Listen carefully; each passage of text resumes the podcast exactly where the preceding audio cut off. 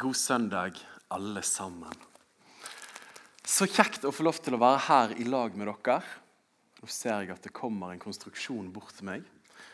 Så det er bra. Tusen takk for herlig lovsang. Var ikke fin, altså Den siste sangen der, altså. Hvilken tekst. Herre Gud, fyll vårt liv med din ånd. Er ikke det en fin bønn å be? Det står i Efeserne 5,18 så står det Den første del er jo i hvert fall en del som bedehusbevegelsen tradisjonelt har omfavnet sterkt. Men drikk dere ikke fulle av vin. Det, det liker vi ikke. Eh, men bli fylt av ånd. Og Det står vel i prestens partisipp, som betyr bli stadig fylt av ånd igjen og igjen. Det er vi kalt til. Om man er påskevenner, pinsevenner, indremisjonsvenn eller ytremisjonsvenn, eller hvor enn man måtte være i dette landskapet, så er vi kalt til å la Gud fylle oss ved sin Hellige Ånd. Ikke sant? Til det så kan du få nikke lettere karismatisk. Amen. Det er jo ingen hemmelighet at når jeg kommer her, så, så kommer jo jeg fra den delen av kirkelandskapet der vi liker litt desibel. Eh, men eh, ikke føl presset. Det går helt fint. Jeg husker når jeg begynte å preke i Kristkirken i Bergen, så, så var det så stille etter en preken jeg hadde hatt. Den var sikkert dårlig. Jeg går jo av og til tilbake og ser manusene mine, så tenker jeg prekte det. Det var jo tre linjer. Det var mye ekstemporært underveis der. Så husker jeg Pastoren kom til meg etterpå og sa dette her var jo ikke så bra. var Det det? Det var jo ingen som liksom var på. Og så sa han Daniel, du må huske at også stillhet er en respons. Ja, så den har jeg tatt med meg videre. Men uansett, veldig stas å få lov til å være her sammen med dere. Jeg har hørt mye godt om dere fra flere venner som har vært der nede. Og I går så hadde jeg gleden av å være sammen med, med UF, altså ungdommene deres. Og for en herlig gjeng, altså. Det var et herlig møte her sterkt å få lov til å stå i lovsang og forkynnelse og se at mange mennesker søker forbønn, og at det var noen som ga til kjenne at de ønsket å enten komme tilbake eller å begynne å følge Jesus. Er ikke det bare det beste? Come on, altså. Det er det nydeligste. Så det er et veldig gøy å få lov til å være her. Jeg, eh, vi har jo bedehus på Vestlandet, men sånne bedehus dere har her nede jeg sa en bønn til Gud. Her kan vi få slike bedehus i Bergen. Det hadde vært veldig fint. Jeg kunne tenkt meg det. Så bra. Du, Det har allerede blitt nevnt litt hvem jeg er og hvor vi kommer fra. Men bare for de som ikke helt vet hvem jeg er. Jeg heter Daniel, rukket å bli 31 år gammel.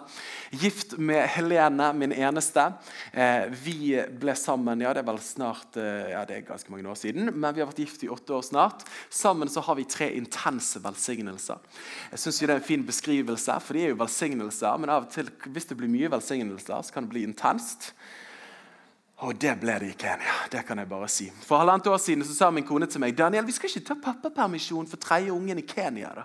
Vi har noen misjonspartnere for kirken som holder til på Kilifi-kysten der nede. da. Så sa jeg ja, kanskje vi kan gjøre det. og Håpet hun skulle glemme det. Det gjorde hun ikke. Så vi dro til Kenya. Har vært eh, over to måneder. Jeg trodde vi skulle være litt sånn heller sentralt sted. Fordi Misjonspartnerne våre har ikke liksom streket under hvor mye bush det faktisk er der de bor. Eh, det fant vi ut ganske fort. Eh, så jeg har vært i bushen i over to måneder. Eh, jambo, jambo. Eh, og eh, gjørmehus overalt. Vi hadde heldigvis litt mer eh, betongkonstruksjoner. Men uten barnehage fra halv seks om morgenen til åtte på kvelden. Altså, det er intenst, altså. Det er det. Så jeg er veldig glad vi gjorde det, og så er det en god stund til vi skal gjøre det igjen. Eh, så det må jeg faktisk bare være ærlig på. Men imponert over de som holder på der nede. Utover det har jeg eh, jobba som eh, pastor i Persen Åsane. Jobber også i noe som heter Tro og Medier, tidligere Familie og Medier, og før det Norges kristne lytterlag eller noe sånt. Og jeg har ansvar for det som heter Preach, der vi søker å nå unge mennesker med fortellingen om Jesus på en spennende og relevant måte. Veldig spennende arbeid lov til å jobbe der. og Utover det så reiser jeg òg og preker ganske mye. Har ikke bare én podkast, jeg har mistet tellingen, men det er kirken vår år. Dere må jo lytte til deres podkast, men hvis du har lyst til å allerede hørt på Fokus sin podkast, så kan du få lov til å lytte til den.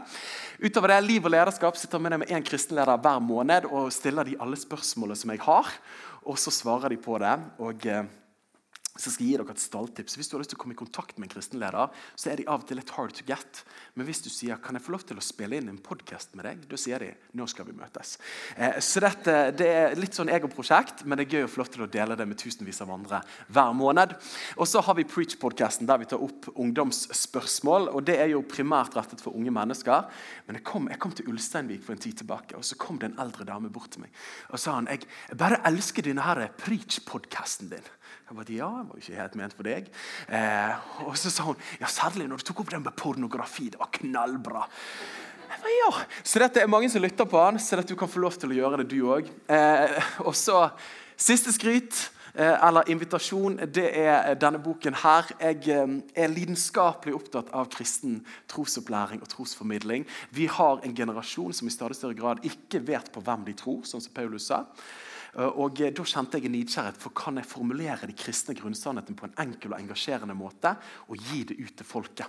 Eh, så det har vært en veldig spennende reise. Jeg sa det til Anne Solfrid, jeg fikk lov til å si det. Men det er veldig mange som har skrevet en anbefaling i begynnelsen av boken. Alt fra liksom Espen Ottesen til, eh, Tor Håvik og alt midt imellom der. Og Så sendte jeg den til Anne Solfrid, siden hun er min sånn halvveis kollega i Demare. spurte kan du skrive en anbefaling også. Eh, og Så skrev hun tilbake til meg etter å ha sett på det. Her er det altfor mange skrivefeil til at jeg kan gå god for dette.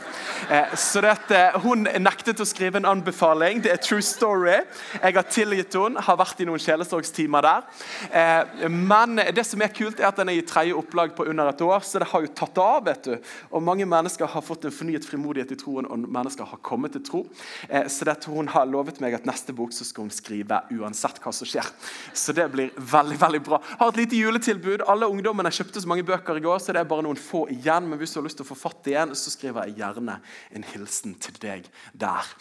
Bibel på podcast allerede blitt nevnt, vi trenger ikke å snakke om det. Men hør på denne meldingen jeg fikk mens jeg var i Kenya. Var ikke dette herlig?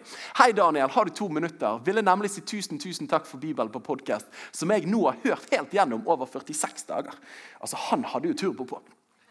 Bibelen for meg har nemlig alltid vært for lang for meg å lese, og religion var aldri en del av min oppvekst. Snarere tvert imot. Jeg er ikke døpt og avsto både fra all slags konfirmasjon og skolegudstjeneste, antageligvis bare for å markere selvstendighet og virke smart, ser jeg i ettertid. For etter hvert som jeg ble eldre, har kristendommen vokst på meg. Først det estetiske, så tradisjonene, historien, og til sist nysgjerrigheten etter å faktisk forstå. I stedet for å høre de samme stadig mindre overbevisende utspillene om at religion bare er teit med de samme ut av kontekst-sitatene fra boken, vet de egentlig hva de snakker om. Dette var en veldig reflektert mann. må jeg si. Altså. Nei, har jeg fått bekreftet etter å ha hørt deg lese Bibelen. Det har vært en gradvis åndelig oppvåkning i meg, spesielt det siste året. Fra Saul til Paul. Og nå er jeg endelig blitt kjent med primærkilden Bibelen også. Både før og parallelt med lyttingen har egen research også vært en viktig del av prosessen. og Noen kristennavn der har vært inspirerende stemmer. Dette ble litt langt, men du skal i hvert fall ha størst takk av alle. Snart blir det stor og fin bibel i skinn i bokhyllen her også. Er det lov til å si et forsiktig lite halleluja? Det er jo fantastisk. Takk, Jesus, altså.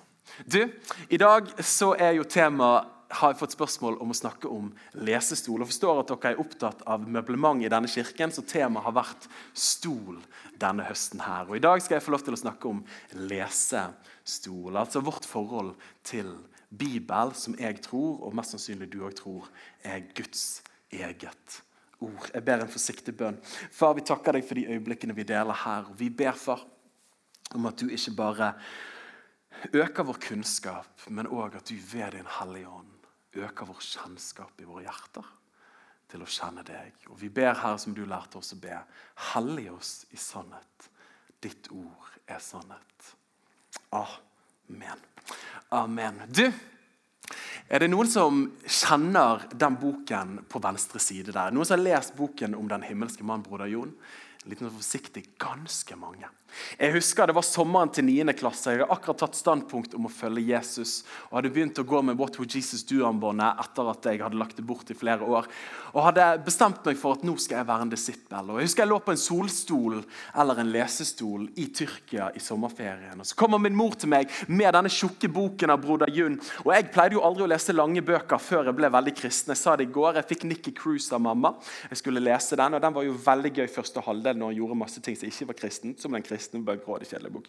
Eh, men så etter at jeg møtte Jesus, så fikk jeg denne boken her, og jeg slukte den på lesestolen der ved bassengkanten i Tyrkia.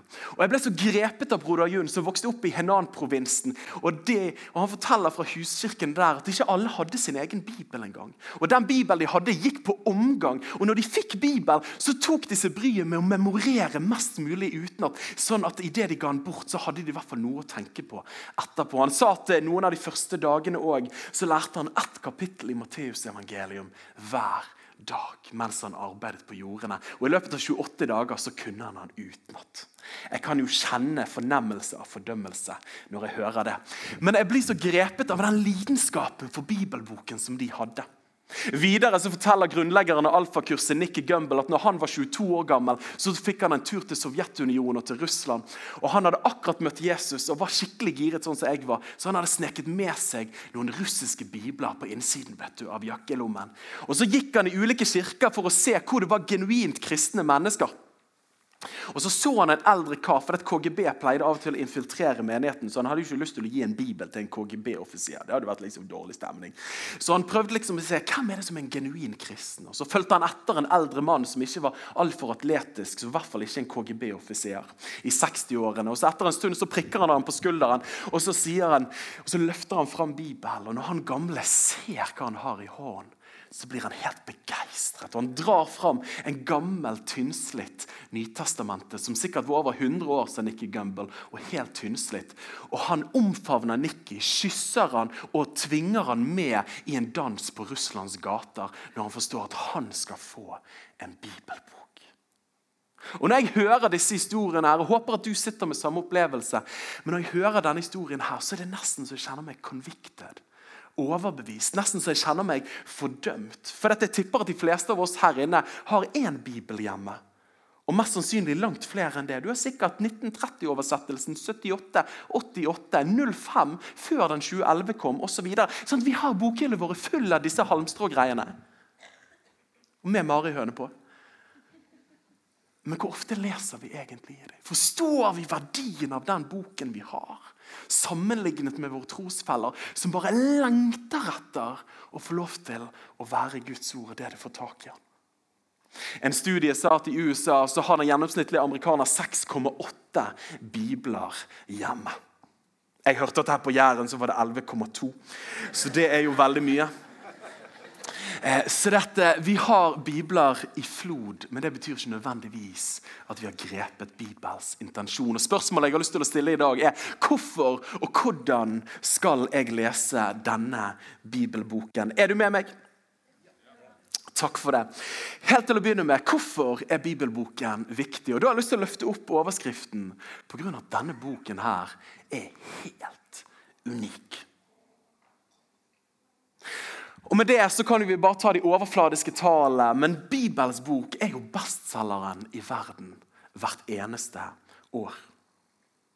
Det er tidenes mest solgte bok gjennom alle år, tiår etter tiår.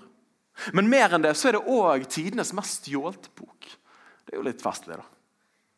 Gideon internasjonal forteller de gir i snitt bort én bibel hvert eneste sekund. Bibelen er oversatt helt eller delvis til rundt 2500 språk.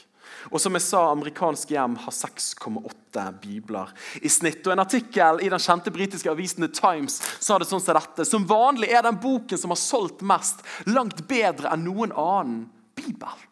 Dersom det økende salget av Bibel ble vist på bestselgerlistene, ville det bare en sjelden gang vært at andre bøker nådde opp. Det er fantastisk, underlig og bent frem forbløffende at i vår stadig mer gudløse tid, da spennvidden av bøker blir større for hvert år som går, selger denne boken som varmt hvetebrød måned etter måned. Det anslås at det selges nærmere 1 250 000 bibler og nytestamenter i Storbritannia hvert eneste år.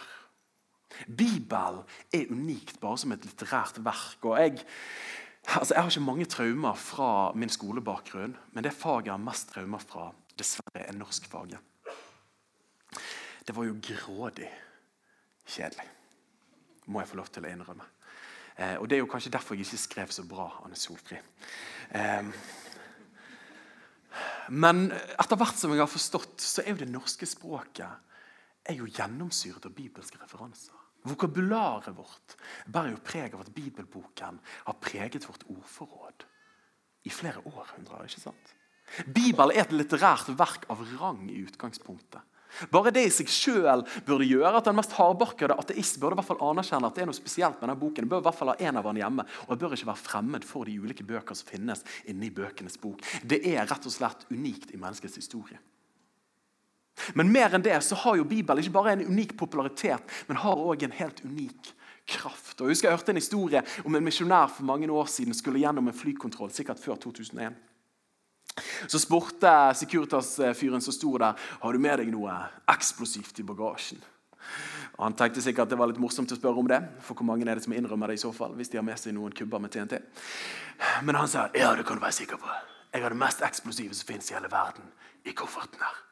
Securitas-guyen fikk jo lettere panikkanfall, så han måtte jo rive opp den kofferten der. Og så så han at det ikke lå nitro, nitroglyserin der, men det lå nemlig Bibel der. Jeg tror han slapp gjennom, men jeg har ikke lyst til å anbefale dere å gjøre det på Sola flyplass. Jeg har med noe sykt eksplosivt her, altså, folkens. Du vil ikke ane hvor heftig det er.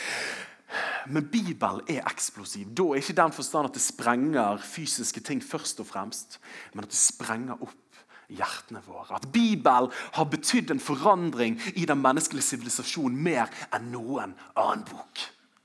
Altså, Jeg kjenner jeg begynner å preke meg giret her. Altså, Det er jo helt fantastisk. Tenk at bibelboken har vært med å prege sivilisasjoner og samfunn til det bedre mer enn noen annen bok, dass Kapital eller hva det måtte være, kan komme til ankle på en gang. Og Den tidligere statsministeren begynnelsen av 1900-tallet i Storbritannia hadde et klart øyeblikk og sa at Bibelen er høyeksplosiv, men den virker på underlige måter. Og intet levende menneske kan fullt ut skjønne hvordan boken på sin ferd over jorden har beveget titusenvis av sjeler forskjellige steder og ført dem inn i et nytt liv, en ny verden, en ny livsanskuelse og en ny overbevisning. En ny tro. Bibelen, mine venner,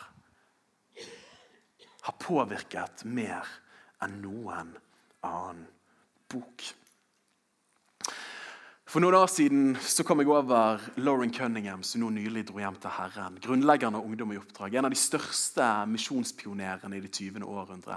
Han fikk en veldig kjærlighet og engasjement til viktigheten av utbredelsen av Bibel i sine senere år. Altså Bibel var viktig før òg. Du hadde ikke startet en misjonsorganisasjon hvis du ikke trodde Bibel. Men han fikk veldig patos for det, at dette var noe av legacyen hans. Og skrev boken 'Verdens viktigste bok', som gjerne flere av dere har vært borti.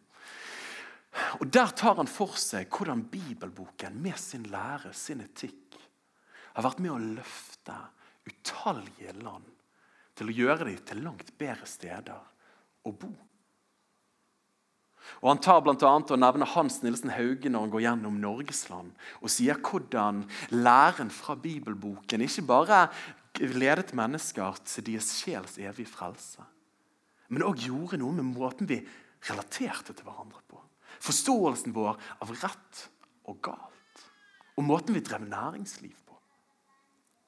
En historiker fra Storbritannia som kanskje noen har hørt om, Tom Holland, han skrev en bok som het 'Dominion'.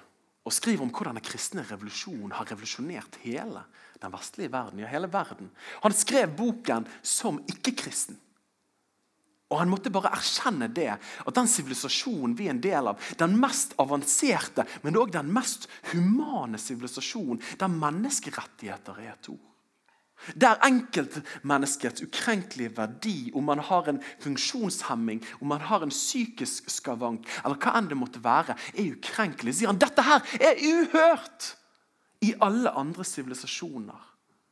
Men pga. Bibels lære har fått informere og prege gjennom århundrer, så har vi skapt den beste sivilisasjonen noen gang mennesker har erfart. Er ikke det rått, mine venner? Altså Det er et fantastisk apologetisk, pragmatisk argument for at den boken der er ikke bare en fyr nede i Midtøsten som var veldig kreativ og rablet ned noe. Nei, nei, nei, nei. Dette er ord man ville tro kom fra vår skaper. Siden når vi lever i tråd med de forordningene som står der, så virker det å samsvare med den menneskelige natur. Åh! Det er jo fantastisk. Nå når jeg var i Kenya, så møtte jeg mye religiøsitet. De har jo fastlige menighetsnavn der nede. The Most Anointed Church, liksom. The Great Church of God. Uh, the Amazing Preachers Sanctuary. Altså, Det er bare utrolig kreativt på navnet sine der nede. Så det er mye religiøsitet, men en av de tingene som vi lærte fort, var at selv om man gikk til kirke og gikk med What Would Jesus Do Unborn og sang Niwewe Tubuana hele tiden, så betydde ikke det nødvendigvis at man ikke gikk til heksen, eller at man ikke prøvde å, å få nabokjerringen i seng. Hva var greien der? Jo, det var mye kristen innpakning, men disippelgjøring var ikke til stede. Og Jeg har lyst til å faktisk være så dristig å si at en del av mine naboer har en høyere etisk standard enn en hel del pastorer hadde i Kenya. Hvorfor det? Jo, Neste år feirer vi tusenåringen av kristningen av Norge. Så betyr at den kristne Bibels ord har preget den norske sivilisasjonen på en måte som har skapt et fantastisk godt samfunn. Jeg mener det argumenterer for at Bibelen er viktig. Hvorfor det? Jo, Jesus sier i Matteus 4,4 sier han, mennesket lever ikke av brød alene. Vi lever ikke bare av nytt brød, og vi lever ikke av bedre og finere og større hus og båt og bil. Men vår sjel og vår ånd lengter etter å høre ord fra vår skaper. Vi lengter. Mennesket er uhelbredelig lengtende etter å høre ordene fra Han som har skapt dem, elsket dem og ønsker dem. Men enda mer hvorfor er Bibelen viktig? Her står det, vet du. Men hvorfor er Bibelen viktig? Jo, Gud har talt i fortid. Vi leser i Hebreabrevet at Gud, han som i tidligere tider mange ganger og på mange måter talte til fedrene ved profetene, han har i de siste dager talt til oss ved Sønnen. Har du lyst til å møte Bibels Gud? Har du lyst til å møte Han som vi tror er vår skaper, så har Gud gitt oss en primæråpenbaring. Og den finner vi i Den hellige skrift. Som vi leste i Hebreabrevet her, at Gud har talt gjennom profetene, gjennom loven som vi finner i Det gamle testamentet. Men nå har han talt til oss ved Sønnen, som vi møter i evangelieberetningene, men òg i Det nye testamentet, som viderefører mesterens lære. Har du lyst til å møte Bibels Gud, så er primærskilten han har gitt, sitt hellige ord. Og Nå håper jeg jeg preker til koret i bedehusland her. Vi elsker Guds ord, gjør ikke vi? Der er primærkilden. Men jeg tror òg, som de oldkirkelige sa, at Gud har gitt oss to bøker. Og The Book, altså The Word, men òg The World. At Herren taler til oss gjennom allmennåpenbaring, gjennom skapelse, gjennom det som kalles naturlig teologi. Og så tror jeg òg, som karismatiker, men òg som bare kristen, skal du tro Det nye testamentet, at han taler til oss ved Den hellige ande òg. Men det alt bedømmes på, er om samsvarer det med det Gud har åpenbart i sitt ord. Gud har talt til oss. Og Vi lever jo i en tid der man forringer litt Bibels autoritet. og Vi har jo gått fra det premoderne til det moderne til det postmoderne. og Det som kjennetegner det postmoderne, er ett ord det å dekonstruere. Det er at Alt som står fast og alt som står støtt, her må det være noen skjulte maktstrukturer bak som undertrykker noen marginaliserte grupper. Så vi må bare demontere alt, og så gjenstår vi i et vakuum der ingenting er sant, for utenom min opplyste forståelse av at ingenting er sant. Sånn, vi lever jo i fortvilte situasjon på det området der. Og det som dessverre har skjedd, er at Ofte så tilnærmer vi oss Bibelen når vi kommer til inspirasjonslære. At Der tidligere ville alle sagt at Skriften er den høyeste autoritet for tro, lære og liv. Til i dag så er det litt mer sånn ja, jeg vet liksom ikke helt. Altså Bibelen kan være at han inneholder Guds åpenbaring. Men Bibelen i seg selv kan ikke være en Guds åpenbaring. Det må være på østlandsk. vet du.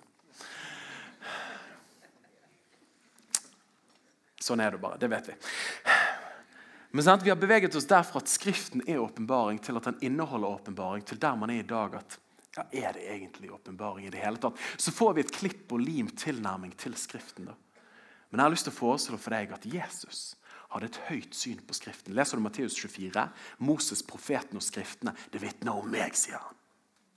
Han hadde et høyt skriftsyn. Leser du om apostlene, de var på samme nivå. De fulgte sin mester. Leser du om Oldkirken, de hadde et høyt syn på skriftene. Irenius og Leon sier skriften er fullkommen. Og Martin Luther, som vi liker godt, han sier skriften som aldri har feilet.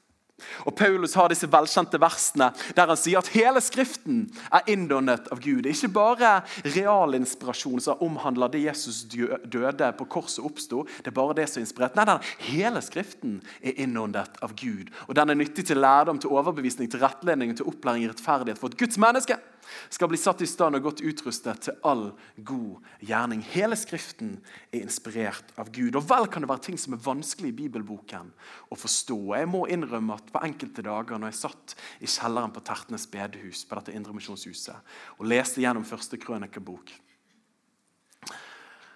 kunne jeg kjenne tidvis Herre, hva er veien herfra til Jesus?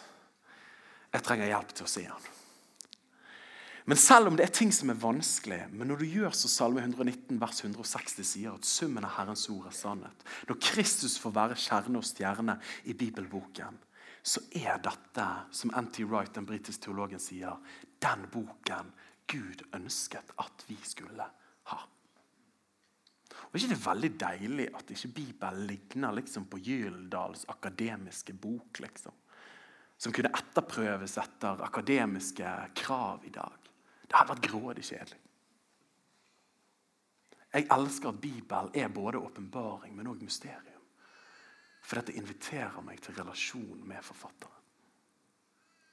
Så Bibelen er Guds levende ord. Det er den boken Gud ville vi skulle ha. Og dette snakket vi litt om i går. Men så klart i en tid der vi stadig mer opponerer mot autoritet, og der vi hører, og en av de mest gjentatte truismene fra vår tid, er at 'jeg må følge hjertet mitt'. Og Når da Jesus kommer og sier du, kjære venn, kan ikke du bare fornekte deg sjøl til opp litt kors og følge meg? Så er det ikke sånn at de fleste liksom, postmoderne sentimenter bare kjenner åh, dette var jo fantastisk å høre. Come on, liksom. Jeg har bare lyst til å fornekte meg sjøl til opp mitt kors og følge han. Nei, nei, nei. Vi kjenner jo på gnistringer, vi kjenner jo på friksjon. For jeg har jo lært på hele skolen tenke sjøl og mene måtte stå for det du sa. Ingen skal komme her og fortelle meg hva jeg skal tenke. Jeg avgjør det selv på egen hånd. Så kommer han og sier at du må bøye deg for min autoritet. Altså, Det er jo så motkulturelt som det går an å få det i en tid som denne. Men en av de beste analogiene er jo altså Dere er jo en fruktbar kirkeserie med mange barn. Alle foreldre vet jo det. At det er mange impulser i våre barn som kan være sterke i øyeblikket. Men de er sterkeste lyster samsvarer ikke alltid med deres dypeste lengsler. F.eks. min sønn i Kenya kunne se noe på andre siden av den kenyanske motorveien som han kjente umiddelbart i sine lyster. 'Jeg har lyst på den isen'. Men jeg vet jo at det finnes mest sannsynlig en dypere lengsel i han. At han hadde lyst til å leve litt lenger enn Kenya-turen. Og gifte seg, få noen barn og få AFP liksom, og pensjonsordning når han blir gammel. Og bosette seg i Åsane sammen med sin far. Jeg vet jo at det er noen dypere lengsler som finnes der, mer enn de umiddelbare, sterke lystne. Så hva gjør en god forelder? Løfter han opp, og beina spreller i luften istedenfor på veien, sånn at han ikke blir drept av trafikken der nede. Når Gud kommer med sine begrensninger, og dette er stadig viktigere når jeg reiser rundt og preker, det er at når Gud sier nei til noe, så er det pga. han har et enda større ja.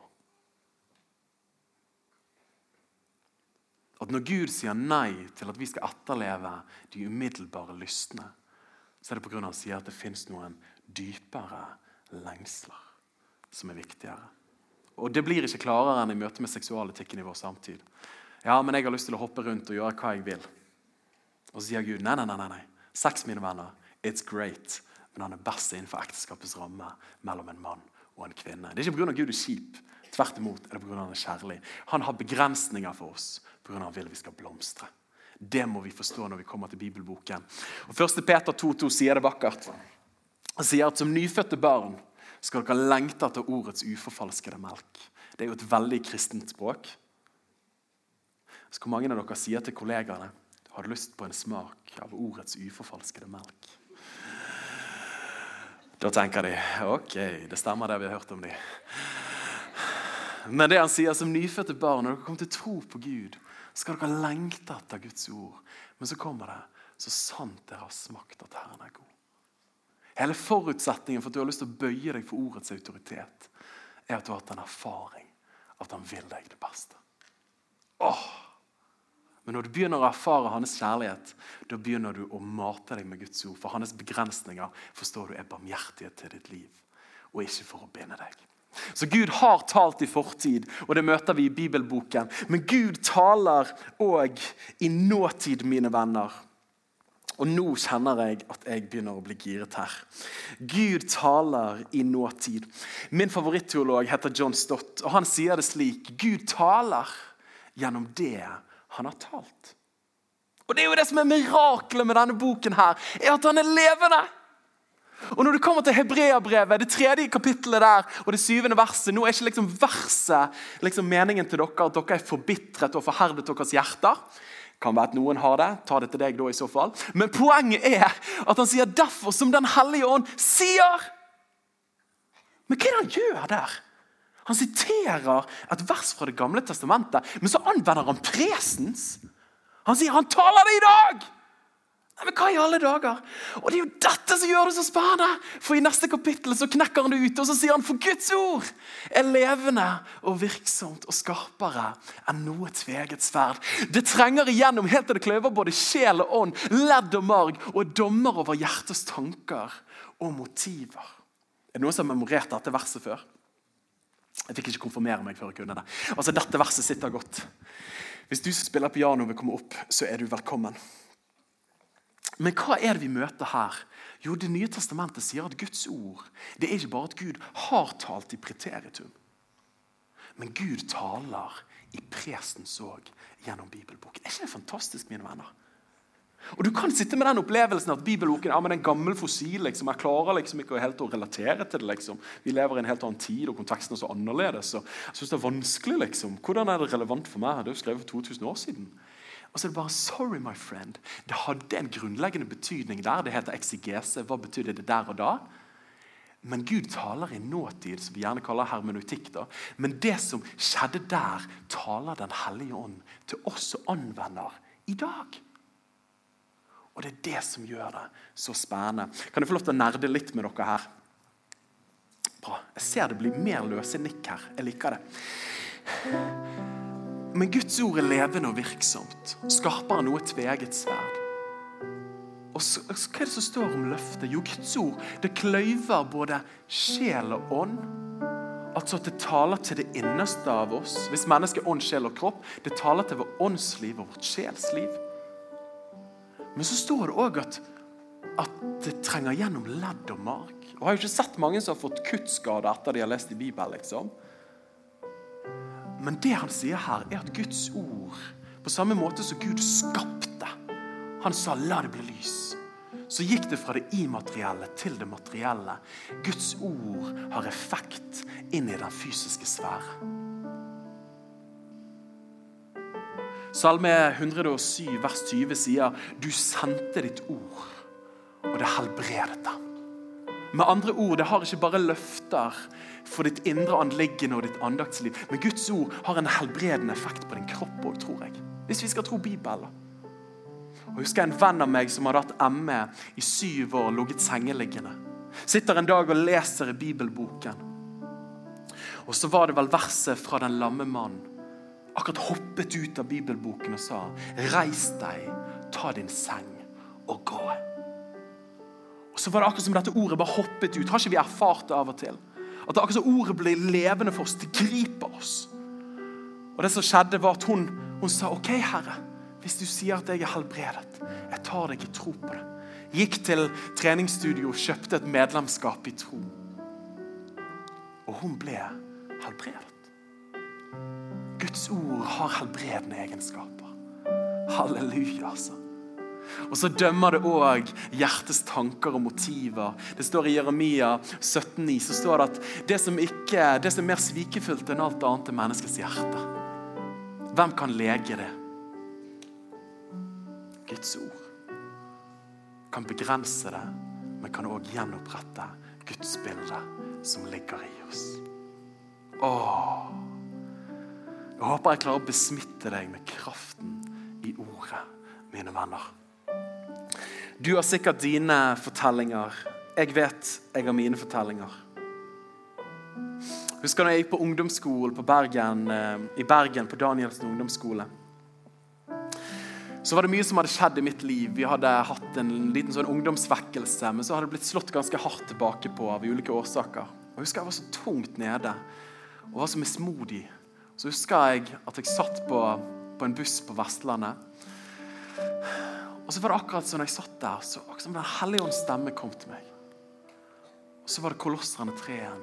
Hvis dere da er oppreist med Kristus, så rett sinnet mot det som er der oppe. Og Jeg vet ikke om du har erfart det, men av og til så er det som Guds ord kommer med kraft. Så det skaper det det sier. Og Jeg ble slått ut av et tungsinn som jeg hadde ligget under i flere måneder. Og så ble jeg gjenopprettet der. Eller på andre områder av mitt liv. Det er så mange ganger der Den hellige ånd har talt et ord. Og så har det blitt et sånt løftesord som jeg har holdt fast ved. Hvis du går gjennom en dødsskyggens dal, hvis du opplever at ekteskapet er krevende, hvis du opplever at et barn forsvinner ut på en sidelinje, eller bare sjelslivet er krevende Hvor mange av oss har ikke erfart at å holde fast på noen av de løftene Gud gir, er som Peter sier, det er som et lys i mørket som vi bare følger, og som leder oss gjennom de krevende støene. Av og til kommer ordet og frir oss ut umiddelbart. Av og til kommer ordet som et lys som vi må følge til morgendagen begynner å skinne. Men Guds ord, mine venner, det er lykt for vår fot, et lys på vår sti. Gud har gitt det i barmhjertighet til oss. Og hvis vi skal bevege oss inn for en avslutning her, hvordan kan det da bety for oss rent konkret? Jo, som jeg sier, Bibelen er en invitasjon til en relasjon. Og er ikke endemålet i seg sjøl. Husker For en del år siden så satt jeg og skrev i mine notater. og Så opplevde jeg at Den hellige ånd sa Daniel, målet er ikke å bli ferdig. Målet er å bli forvandlet. Så rent konkret, av og til så stresser jeg. Jeg må lese kapittelet ferdig. Jeg må lese denne boken ferdig. Det er ikke poenget. Du har god tid på å lese skal leve i 70-80-90 år. Poenget er fortrolighet med forfatteren bak boken. Og Rent praktisk hvordan kan jeg da lese Bibelen? Kontekst. Finn et fast sted som du leser Bibelen, hvis det hjelper for deg. Finn et fast sted, en fast rytme hver dag. Og jeg vet du har hørt dette før, men jeg bare forfrisker hukommelsen din. Finn en fast rytme hver dag. Begynn realistisk. Ikke tenk at du skal ta tredje Mosebok på én uke. Det kan bli med den uken, da. Begynn med litt hver dag istedenfor alt hver dag. Varier iblant. Målet er relasjon og ikke rammene. Du er ikke gift med metodene, men du er gift med forfatteren bak. Så bytt oversettelser iblant, selv om vi bedehusfolk og pinsekarismatikere vet at det er 88 som er den virkelige Bibelen. Det er jo bare sånn. Og eh, hør Bibelen på podkast. Bytt om på formatet så du tar til deg Guds ord på. I møte med bibelteksten, les den variert.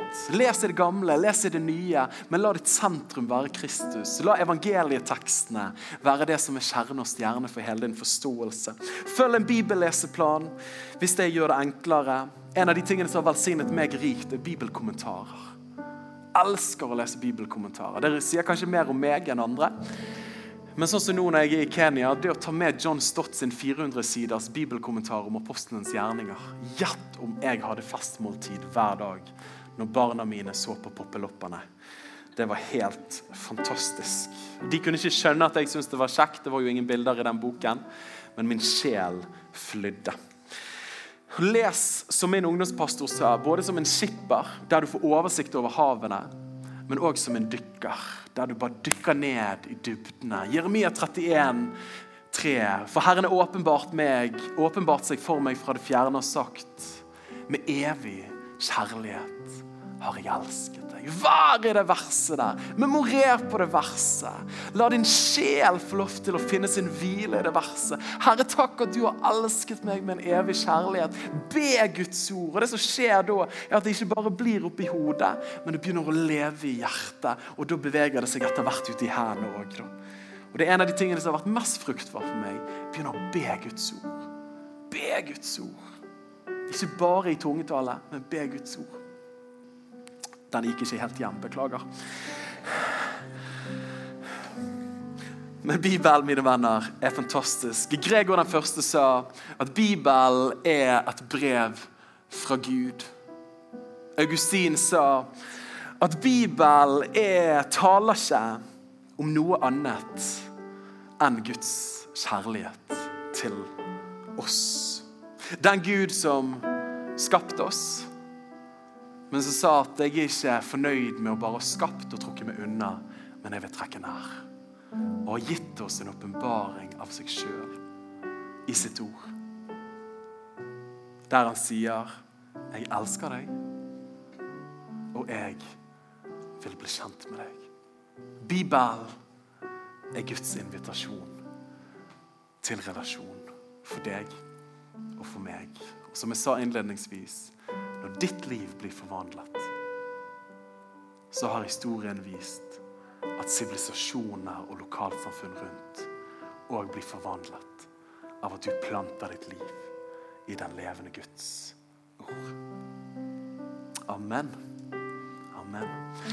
Kan jeg spørre dere om dere vil lettere karismatisk reise dere opp, og så ber vi sammen til slutt? Åh, kjenner du Guds nærvær på dette stedet? Jesus, vi elsker deg, Herre. Elsker ditt nærvær, Herre. Mm. Mm. Jeg har lyst til å be for oss alle om at Gud, måtte du ta og vekke en kjærlighet til ditt ord i vårt indre. Herre, jeg ber om at, om at den lidenskapen og nidkjærligheten som kjennetegner våre trospeller på steder i verden der det er hunger etter ditt ord, far. Herre, måtte vi få den samme pasjonen, Herre.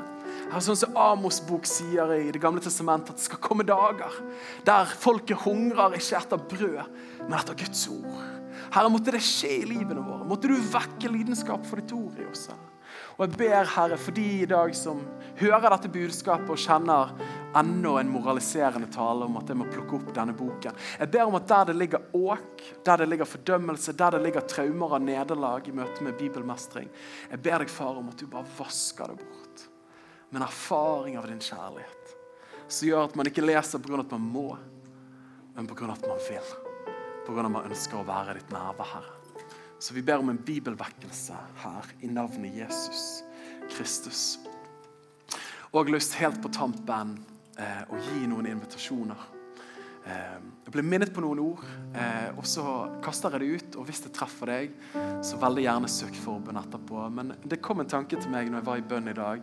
Jeg lurer på om noen har fått en kreftdiagnose eh, forholdsvis nylig. I så fall så har vi lyst til å ta og be for deg og stå sammen med deg. Kjente òg på Gjerne et ungt ektepar.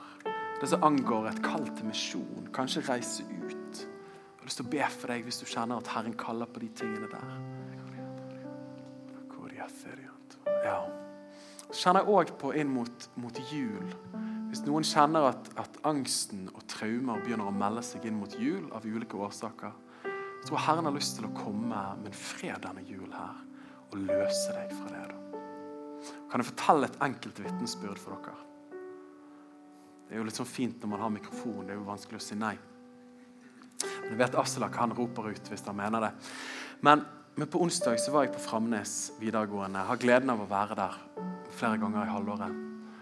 Og Rett før jeg dro til Afrika i begynnelsen av september, så var jeg og prekte der og inviterte til forbund. Så kommer det en jente fram og sier 'Kan du be for meg?' og, og ville ikke si hva det angikk. Så begynte jeg og fikk fornemmelsen av det som vi kaller kunnskapsord, at, at her var det angst som Herren ønsket satte fri. Da. Så husker jeg bare at hun, hun fikk be for henne, og så begynte hun å gråte og begynte å riste. Og, og fikk et møte med Guds kjærlighet der. Så kommer hun til meg nå på onsdag, står foran meg og sier 'Husker du meg? Husker du meg?' Og Da må jo jeg som kristen predikant av og til si 'Ja, kanskje'. Og så sier hun 'Du ba for meg i begynnelsen av september'. Det som er situasjonen, er at jeg har slitt med angst i 13 år fra jeg var helt liten. Jeg ble mobbet. Den dagen du ba for meg, hadde jeg vært hos psykologen, og han sa jeg var i rød fase. Jeg var rett før innleggelse. Prøvde å tatt mitt liv flere ganger. eller vurderte, stått på bilveien klar for å hoppe foran. Gikk på medisiner for å sove, for å klare seg gjennom hverdagen. Så den kvelden der så kom Den hellige ånd over meg. Sluttet på medisiner den dagen der. Har ikke hatt en angstfornemmelse siden.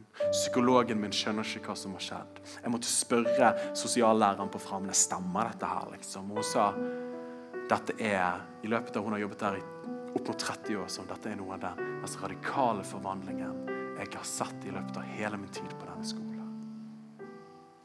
Det er ikke fantastisk?